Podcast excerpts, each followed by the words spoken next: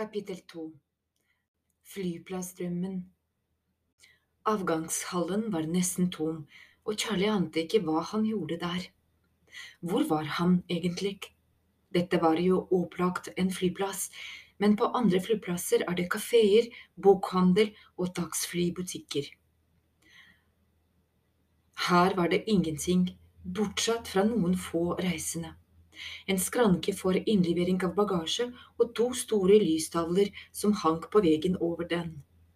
Han så på den øverste og forventet å se avgangs- og ankomsttider, men det sto bare én dato der. Datoen stemte med i dag, men årstallet var feil. En koffert i hånda. Han hadde aldri sett den før. Forsiktig satte han den ned på gulvet og åpnet den. Kofferten var tom, helt tom. Han oppdaget at det var festet et navneskilt rundt håndtaket, og snudde det slik at han kunne se navnet.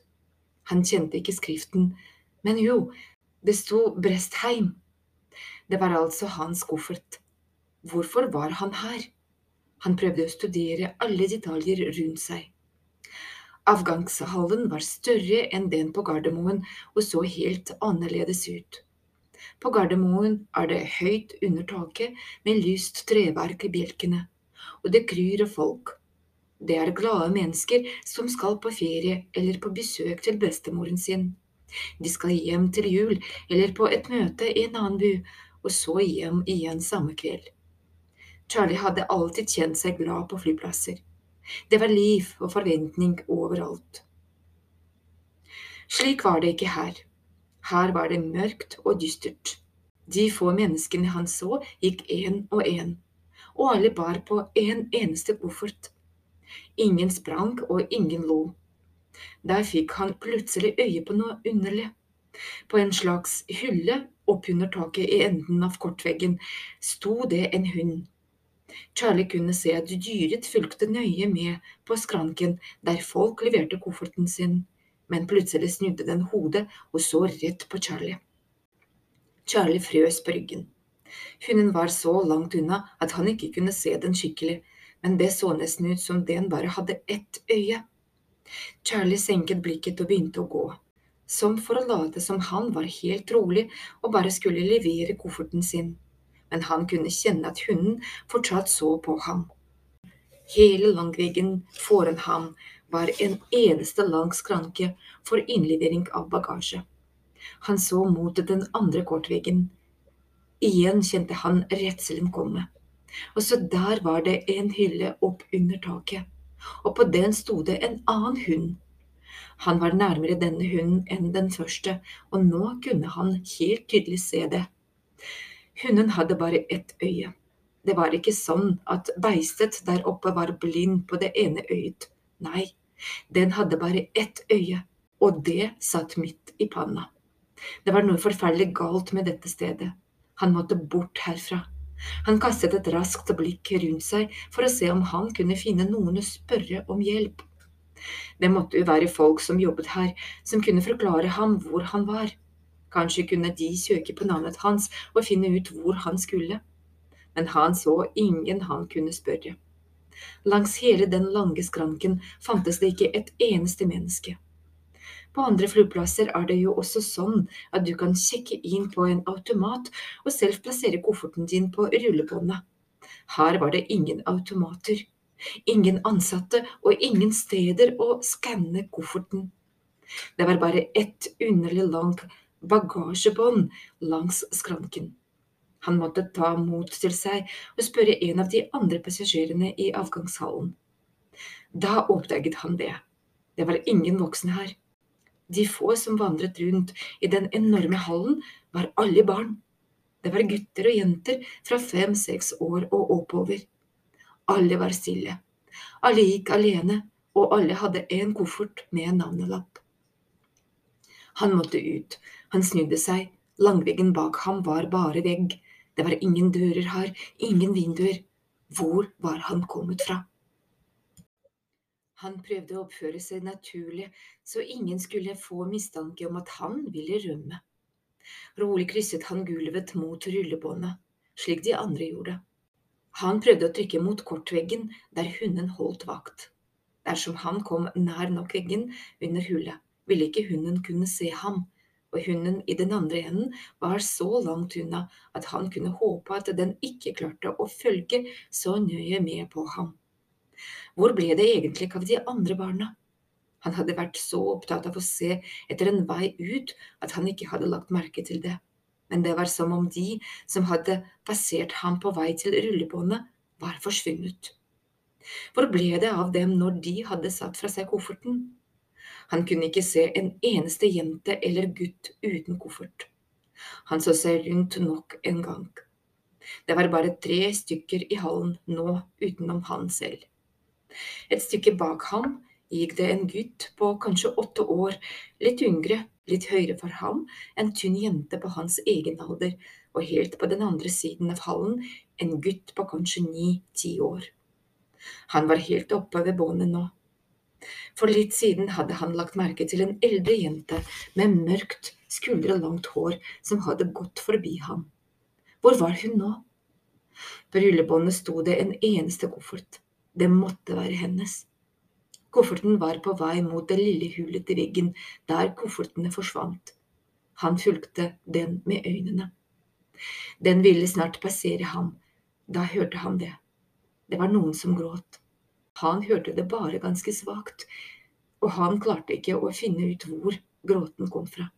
Men den ble tydeligere og tydeligere. Jo, nå hørte han den. Gråten kom fra kofferten. Hallo? sa Charlie forsiktig.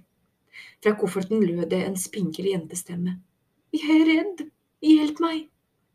Så forsvant kofferten inn i mørket. Charlie slapp sin egen koffert og hoppet opp på rullebåndet for å hjelpe henne. Men det var for sent. Kofferten hadde allerede forsvunnet helt inn gjennom det lille hullet i veggen, og Charlie måtte kaste seg flatt ned på magen for ikke å slå hodet. Rett før han forsvant inn i mørket, la han merke til to ting. Det ene var at gutten, som hadde vært rett bak ham, åpnet kofferten sin, satte den på rullebåndet og krøp opp i den. Det andre var en mørk skygge i lufta. Den ene hunden busket ned fra hullet si, det var ingen tvil om at den hadde sett ham. Med det samme han var kommet gjennom veggen, gikk det nedover, og det fort. Det var ikke mye lys her, men han så at han var like bak kofferten med jenta. De får nedover som om det skulle være den bratteste bakken i en berg-og-dal-bane. De var på vei mot en stor metallbinge full av kofferter. Først nå la han merke til at alle var like. Hele bingen var full av kofferter, helt lik den han selv hadde satt fra seg, rundt om på gulvet sto det andre binger, også de fulle av kofferter. Han måtte ikke slippe kofferten med jevnt av syne. Idet han landet, grep han tak i den, men det eneste han fikk tak i, var merkelappen. Han holdt fast i den så godt han kunne. Han fikk snudd navneskiltet slik at han så navnet. Veksjø, sto det. Han så opp mot luka de var kommet fra, og nå kom koffertene med gutten rett mot ham. Charlie tok tak i kanten på metallbingen for å komme seg unna før han fikk kofferten i hodet. Det stakk til i håndflaten. Kanten av koffertbingen var skarp som en kniv.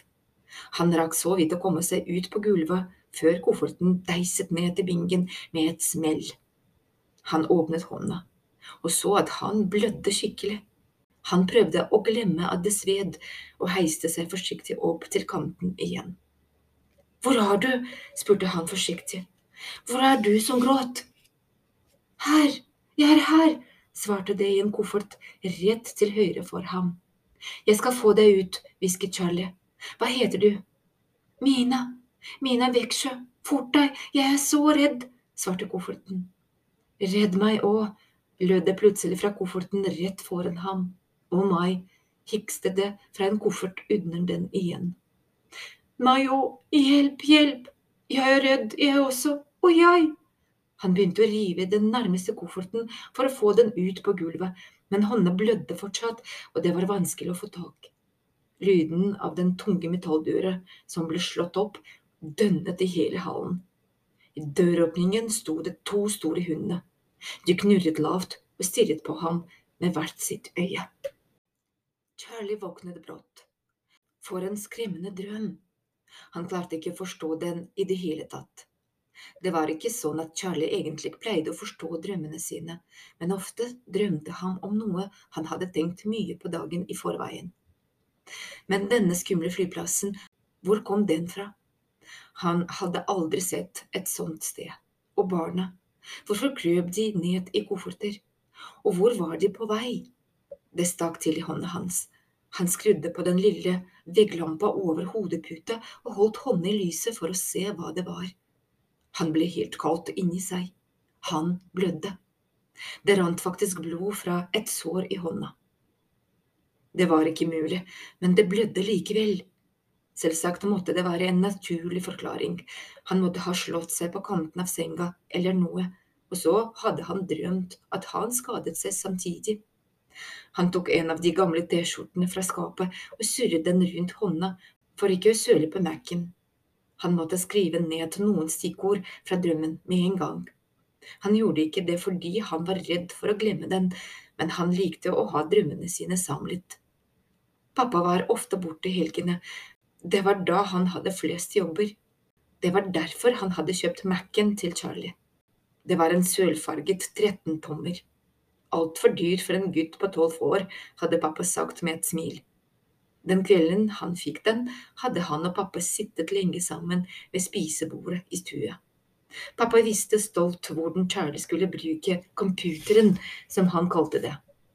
Han var ikke særlig flink. Charlie brukte jo iPad på skolen og kunne mye mer enn ham, men han lot som han ikke forsto, for pappa var så glad. Pappa var sjelden glad, men den kvelden strålte han. Han lo jo høyt hver gang han gjorde noe feil, og han lo enda høyere hver gang det var et eller annet han fikk til. Noe av det første Charlie gjorde da han var alene på rommet den kvelden, var å lage en mappe han kalte Dreambox. Pappa trodde sikkert at han lå og så på YouTube, men Charlie brukte den natta til å skrive ned alle drømmene han kunne huske fra hele livet. Det ble mange, og senere, hver gang han hadde hatt en ny drøm, skrev han den ned og lagret drømmen. Dreambox var en skattkiste. Han tittet på såret da han var ferdig. Det blødde ikke særlig nå, han gikk ut på badet og fant plaster. Det eneste de hadde, var barneplaster med bilde av dyr på. Han hadde valgt det selv en gang, han var på apoteket med mamma. Charlie tok ett med tiger og tenkte på alle kommentarene Bård ville hatt om han hadde kommet med det på skolen. Godt for ham at det var lørdag. Han så ut av baderomsvinduet mot huset til Ranhild og Odd. Odd sto ute i hagen, helt stille, gjorde ingenting. Han så ut som om han lyttet etter noe. Han likte Ranhild og Odd, han pleide å overnatte hos dem når pappa var på jobb eller et annet sted langt unna og ikke rakk hjem om kvelden. Charlie syvsover, det er lunsj, det var pappa som ropte fra kjøkkenet. Charlie kikket på mobilen, han hadde sovet helt til halv tolv.